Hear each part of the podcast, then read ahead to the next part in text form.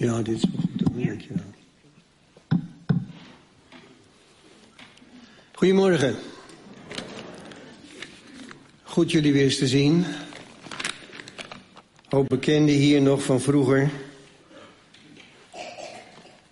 In de zeventige jaren was ik hier tien jaar oudste in deze gemeente. Maar ja, wie weet dat nog?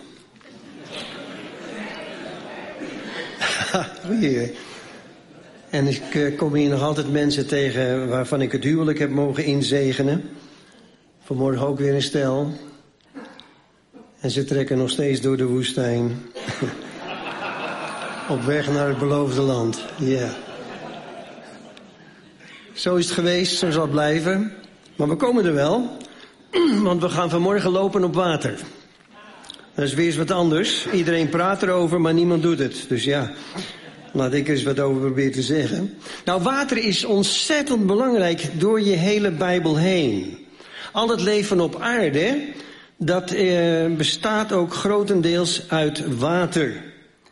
De wereld bestaat voor 70% uit water, de mens voor 65% water, 35% stof, al nagelang je leeftijd, hè?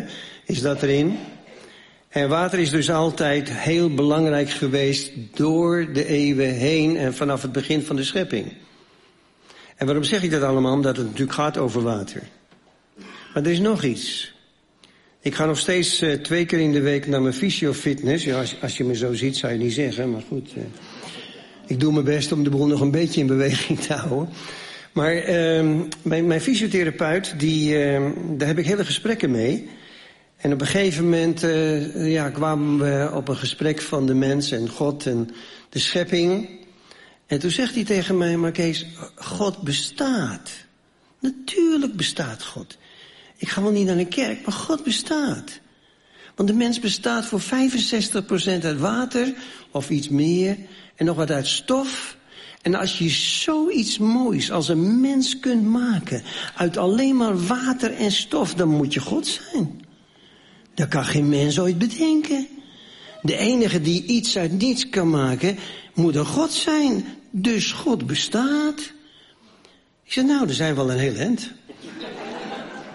Hij zegt, en, en Jezus ook, want dat is geschied, geschiedkundig vastgesteld. Die heeft geleven en gestorven is enzovoort. Nou, dan, dan heb je toch al een mooie basis, hè? God bestaat. Weet je wat ik zo leuk vind? De Bijbel zegt, wie tot God komt, moet geloven dat hij bestaat. Hoef je niet tot hem te komen. Dus wie tot God komt, moet geloven dat hij bestaat. Wie niet in God gelooft, hoeft ook niet te komen. Dat heeft geen enkele functie dan. Want waar moet je dan heen? En God is overal. Goed, God heeft dus die mens heel prachtig gemaakt. En nou wil ik je meenemen naar twee Bijbelgedeelten. Het ene staat in Jesaja hoofdstuk 55, vers 1. Dat kennen jullie wel. O alle dorstigen, kom tot de wateren. En u die geen geld hebt, komt, koopt en eet zonder geld en zonder prijs wijn en melk. En het andere is natuurlijk Matthäus hoofdstuk 14, vers 22 tot 33. Meteen daarna, na de broodvermenigvuldiging, gelaste hij Jezus de leerlingen in de boot te stappen en alvast vooruit te varen naar de overkant. Hij zou ook komen nadat hij de mensen had weggestuurd. Toen hij hen weggestuurd had, ging hij de berg op om hen in afzondering te bidden. De nacht viel en hij was daar helemaal alleen. De boot was intussen vele stadien van het vaste wal verwijderd. En de, wat staat er dan? Was van de vaste wal verwijderd en werd als gevolg van de tegenwind door de golven geteisterd.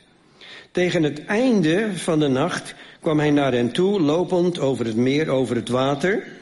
En toen de leerlingen hem op het meer, op het water zagen lopen, raakten ze in paniek en ze riepen, een spook. En ze schreeuwden het uit van angst. En meteen sprak Jezus hen toe, blijf kalm, ik ben het, wees niet bang. En Petrus antwoordde, Heer, als u het bent, zeg mij dan dat ik over het water naar u toe moet komen. En hij zei, kom tot de wateren. En Petrus stapte uit de boot en liep over het water naar Jezus toe. Maar toen hij voelde hoe sterk de wind was, werd hij bang en hij begon te, te roepen en te zinken en te schreeuwen. En hij zei, Heer, red me. En meteen strekte Jezus zijn hand uit en hij greep hem vast en zei, gelovige, waarom heb je getwijfeld? En toen ze in de boot stapten, ging de wind liggen. In de boot bogen de anderen zich voor hem neer en zeiden, u bent werkelijk Gods zoon. Nou, Jesaja zei het al, kom tot de wateren. Nou, dan kun je tot het water komen om een heleboel redenen. Je kunt tot het water komen om gedoopt te worden. Je kunt tot het water komen om te zwemmen. Je kunt tot het water komen om Allah Naaman genezing te ontvangen. Je kunt tot het water komen om velelei redenen. Laten we even kijken naar dit beeld. Toen het uh, volk uh, Israël vertrok uit slavernij uit Egypte, toen leidde de Heer hen naar de wateren van de Rode Zee. Dat is merkwaardig, want hij had het ook anders kunnen doen.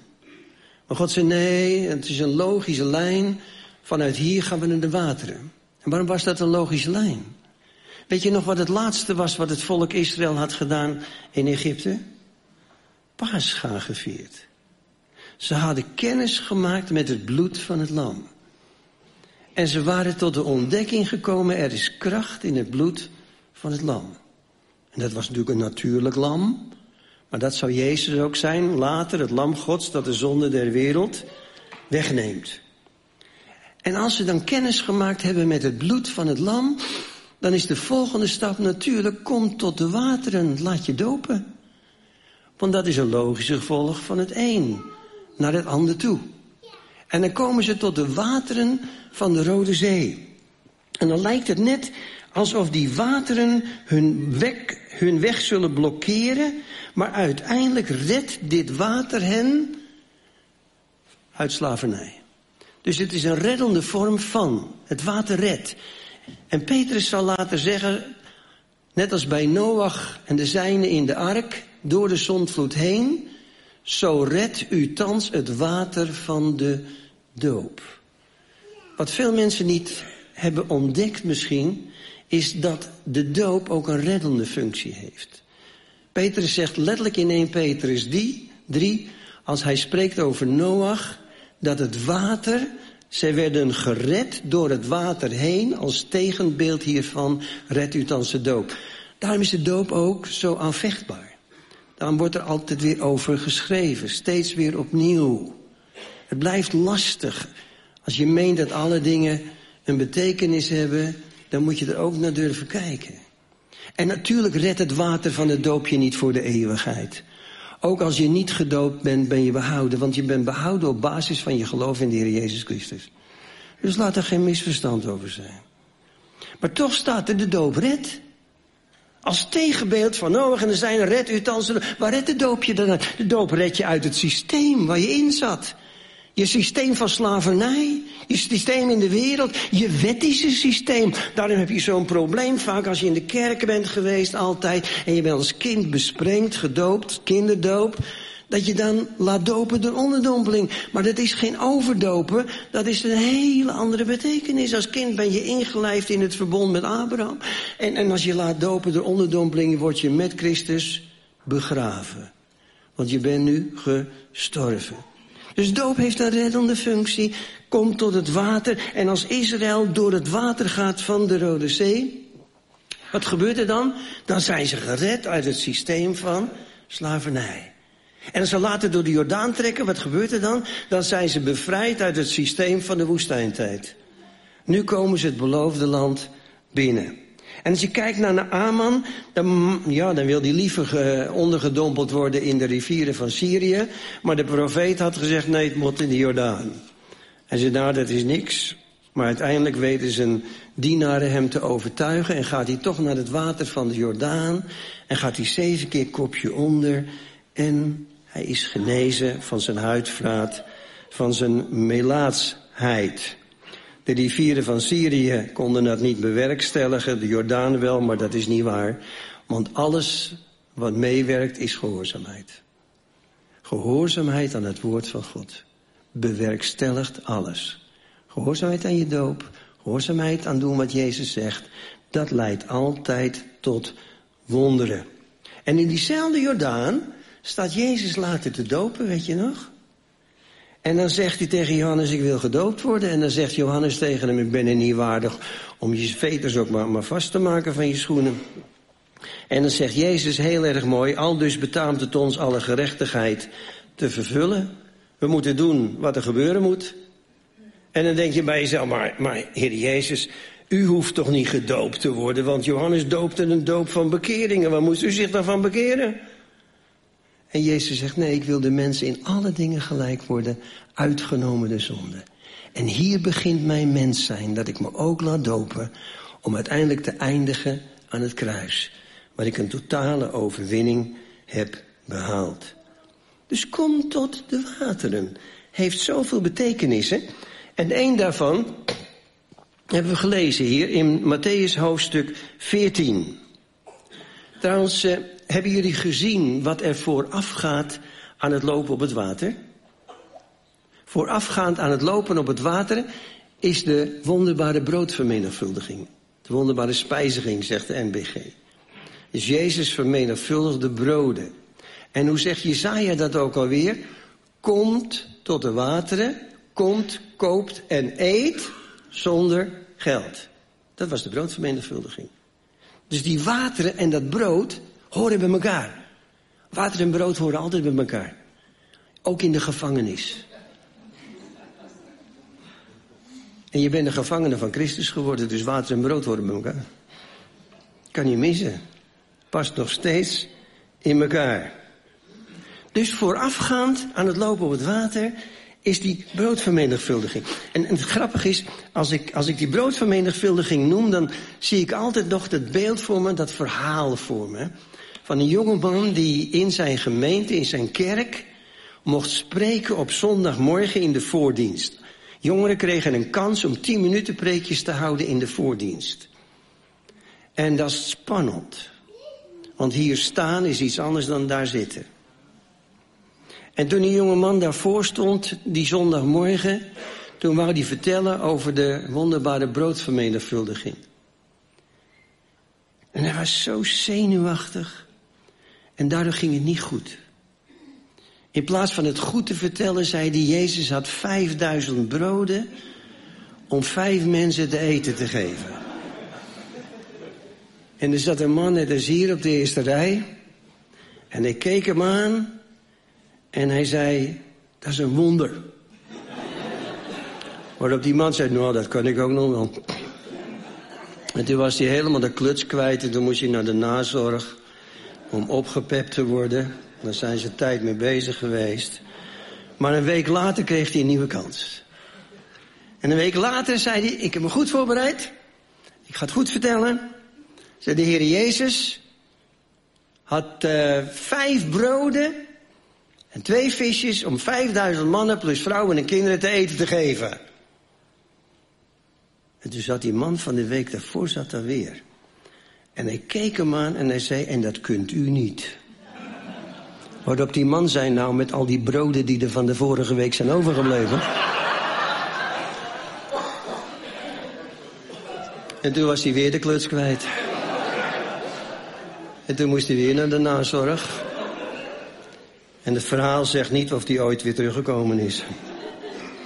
Met andere woorden, je kan zenuwachtig worden. Over een broodvermenigvuldiging. Nou, en dan zeker over lopen op water natuurlijk. Dus Jezus had die 5000 mannen plus vrouwen en kinderen te eten gegeven. En wat wilden die mensen nou? Die wilden hem wel koning maken. Want het is natuurlijk zo, hè? Gratis brood en spelen voor het volk. En je bent zo koning. En die discipelen hadden ook een hoge pet op van Jezus op dat moment. Want ze waren trots op hem. Wat een geweldige Heer dienen wij. Hij vermenigvuldigt brood en hij geeft er nog beleg op ook. Wat geweldig. En iedereen wilde Jezus koning maken. De massa komt altijd af op goedkoop voedsel. En Jezus denkt, ja maar dat is niet wat ik wil. En de discipelen zijn ook al helemaal op de verkeerde weg geplaatst. Ze begrijpen het niet. En hij stuurt ze discipelen het schip in. Letterlijk. En hij stuurt de massa naar huis. Want Jezus wil dat ze begrijpen dat hij niet gekomen is om zoete broodjes te bakken met beleg, maar dat hij gekomen is als brood des levens. Dat hij het zelf is. Maar ze begrijpen het niet. En daarom stuurt hij zijn discipelen weg om te voorkomen dat de leerlingen dezelfde ideeën zullen gaan oprakelen als de massa doet. En als Jezus dan die massa naar huis heeft gestuurd, dan gaat hij de berg op om te bidden. En als hij dat gedaan heeft, dan doet hij ook wat Jezaja zegt. Hij komt tot de wateren. Hij heeft zijn discipelen intussen al gestuurd naar de wateren. Nou, nou weet ik niet hoe dat met jullie is. Maar eigenlijk vind ik dat uh, hele geloop op het water uh, een merkwaardig wonder. Jullie ook? Ik, ik, ik zag het nut er ook nooit van in. Ik dacht altijd van, nou ja, kijk, als Jezus wonderen doet van genezing, dat is zinvol. En als mensen tot geloof komen, is geweldig. Maar wat heeft het nou voor nut om te lopen over water? Ze hebben het ook overal proberen na te doen, hè? Dat heb je misschien wel gevolgd. Zelfs in de Theems in Londen hadden ze daar aan de kanten daar, hadden ze daar paaltjes onder water gezet met uh, glazen plankjes erop. Net twee centimeter onder het water. En dan liep een vent over, alsof hij over water kon lopen. Dus hebben het geprobeerd om het na te doen. Maar het ging niet goed. Het was ook nep. Maar als Jezus loopt over het water, wat moet ik me daar dan bij voorstellen? Is dat een goocheltruc? Is dat iets van de mensen te verbazen? Het gaat een beetje dieper. Als je in openbaring leest, dan zie je dat uit de troon van God komt een stroom van kristalhelder water. En die stroom van kristalhelder water, die brengt overal leven. En dan staat in hetzelfde openbaring ook dat uit de wateren beneden komen slangen en dranken, draken en duisternis. Slangen, draken en duisternis. En als Jezus dan loopt over de wateren beneden, dan laat hij eigenlijk zien dat alle duisternis aan hem is onderworpen. Dus het is niet zinloos. Het is duidelijk. Alles is aan zijn voeten onderworpen. Alleen de discipelen hebben dat niet door. Die discipelen hebben mooie dingen gezien. Genezingen, broodvermenigvuldiging. En nou komt er iemand over het water aanlopen en dat is niet hun beeld van Jezus. Dus wat roepen ze? Een spook. Ze herkennen hem niet. Maar de vraag is, wat is jouw beeld van Jezus? Wat is jouw godsbeeld? Is hij verterend vuur? Of is hij alleen maar een soort Sinterklaas? Of is het ergens ertussenin? Wie is Jezus voor ons? We hebben ons allemaal een beeld gevormd van Jezus. En we zeggen heel vroom, vorm u geen beeld, geen afgodsbeeld. Nee, maar we hebben wel denkbeelden. We barsten van de denkbeelden vandaag. Dat zijn ook beelden. Wat is jouw denkbeeld over Jezus? Wie is Jezus überhaupt? Is dat alleen degene die alleen maar lief is? Of is dat ook degene die nog wat anders gedaan heeft? Is het alleen degene die brood vermenigvuldigt? Of loopt hij soms ook over het water om wat anders te doen? En dan komt Jezus aangelopen. En dan zegt hij tegen die lui, die roepen een spook. Blijf kalm, wees niet bang, ik ben het. En dan is het zo leuk dat Petrus meteen zegt... Heer, als u het bent, beveel mij dan tot u te komen over het water. Vind ik een mooie zin. Weet je wat die zin inhoudt? Dat Petrus zeker wil weten of hij in de wil van God staat. Petrus zegt, ik wil ook wel iets bovennatuurlijks beleven, dat zit ook in mij. En beveel mij dan tot u te komen. En als u zegt, beveel ik, ik beveel het, dan, dan weet ik dat ik in uw wil sta. En dan zegt Jezus, ik denk tot zijn grote verbazing, kom tot de wateren. En nou zit er iets geks hoor in dat hele verhaal. Er zit iets heel geks. Weet je wat gek is? Petrus staat in de wil van God als hij overboord stapt. Ja toch? Hij heeft het gevraagd. En Jezus heeft gezegd kom. Dus hij staat in de wil van God. En toch zakt hij weg. Vind je dat niet lastig? Je kunt dus in de wil van God staan en toch wegzakken. Wat een ellende. Je hebt altijd gedacht, ik sta in de wil van God, nou komt het allemaal goed. Ja, maar daar begint het ook wel mee. Bid dat je mag staan in het centrum van Gods wil. Maar daarbij moet je blijven zien op Jezus. Als je in de wil van God al staat, blijf dan even goed zien op Jezus. Anders zak je alsnog weg. Dus Petrus moet leren, als jij wilt wandelen op het water, als je iets bovennatuurlijks wilt beleven, dan moet je ook blijven zien op Jezus. Maar Jezus is er niet tegen dat je bovennatuurlijke dingen wilt beleven. En dat is ook logisch, want God is bovennatuurlijk. En we zijn geschapen naar zijn beeld. Dus als wij naar bovennatuurlijke dingen verlangen, dan is dat toch niet meer dan logisch? We zijn geschapen naar zijn beeld. Natuurlijk zit er in jou het verlangen naar bovennatuurlijke dingen, in mij ook. Dat zit in, trouwens in de hele wereld. Daarom zoekt die wereld dat zo in het occulte. Die wereld is overal op zoek naar iets bovennatuurlijks, maar niet bij God. Maar altijd in bovennatuurlijke machten, krachten enzovoort. En dat is het gevaarlijke. Want er is niks tegen dat je je uitstrekt naar het bovennatuurlijke. Maar wel waar je dat doet. De wereld doet dat in de wereld. En wij willen dat doen naar God zelf. Want als ik me daarna uitstrek, dan zal hij zeker komen. Dan is er nog iets. Petrus, die wil een wonder. Jezus heeft gezegd, kom. En nou moet hij ook op het natuurlijke vlak in beweging komen. Eerst komt het natuurlijke, dan komt het geestelijke. Dus als Petrus was blijven zitten in de boot en had gezegd, als het uw wil is, alsnog, til me dan uit de boot en zet me op het water, was het nooit wat geworden. Nee, hij moet wel meewerken. Hij moet zijn deel doen. En wat is zijn deel? Uit de boot stappen en lopen. Dat is zijn deel. Maar dat deed hij toch elke morgen al? Als hij terugkwam van de visvangst, dan stapte hij uit de boot en wandelde hij naar huis. Dat kon hij wel, uitstappen en wandelen. Het enige verschil was, dat was daar elke morgen op het strand en nu op het water, maar dat was ook alles. Ja. Maar het was wel wat hij kon. Uitstappen en wandelen. En Petrus stapt uit in geloof. Hij doet wat hij kan. Weet je wat dat me brengt? Bij de belangrijkste les van deze morgen. De belangrijkste les is, het bovennatuurlijke komt tot stand als je gaat handelen vanuit het natuurlijke. Ik zal je uitleggen. Als ik op zieken de handen leg, is dat een natuurlijke handeling of een bovennatuurlijke? Dat is een natuurlijke handeling. Maar door die natuurlijke handeling te doen, zet ik bovennatuurlijke krachten in beweging. Want het is een handeling in gehoorzaamheid. Als je de oudste roept om te zalven met olie, is dat zalven met olie dan een natuurlijke handeling of een bovennatuurlijke? Het is een natuurlijke handeling. Maar door die natuurlijke handeling uit te voeren, zet je bovennatuurlijke krachten in beweging. En dan kun je natuurlijk heel vroom zeggen, ja maar goed Kees, ach zonder mij kan God het ook wel en zonder al die handelingen kan hij het ook wel. Maar dat is de punt niet. Punt is niet of hij het kan, hij kan alles. Punt is of hij het dan nog wil. Want het gaat eventjes hierom.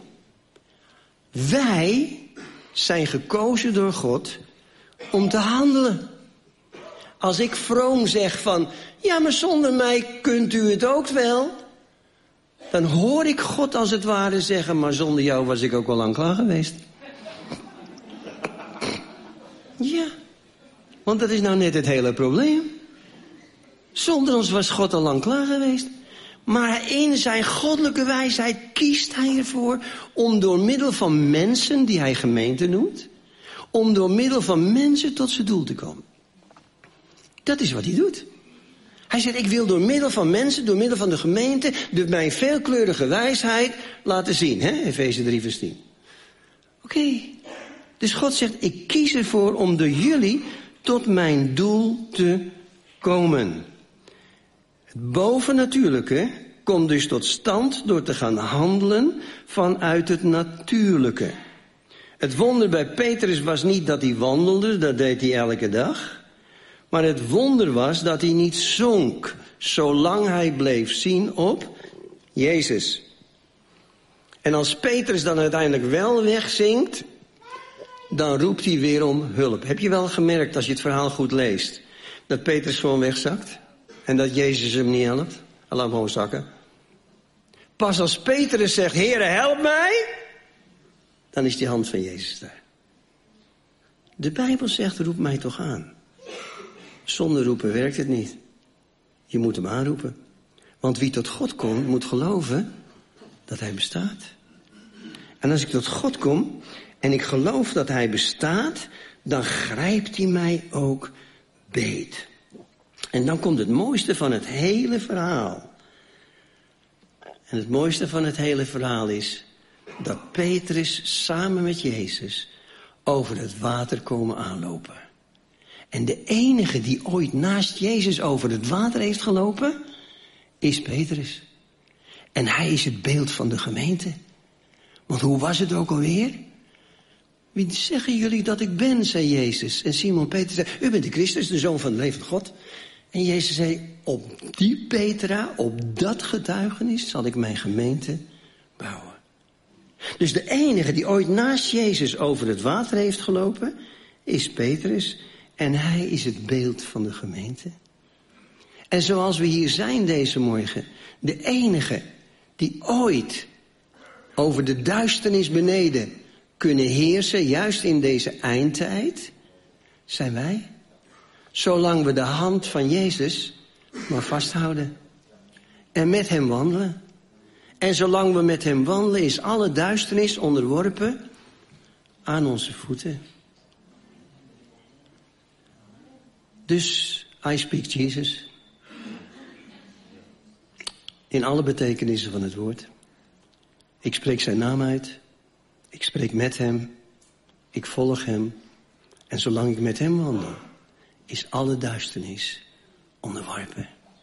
Roep toch aan de naam van Jezus. Zullen we het samen doen? I speak Jesus. We willen zijn naam met elkaar uitspreken. En geloven dat als we zijn naam uitspreken, dat hij zelf is gelijk aan zijn naam.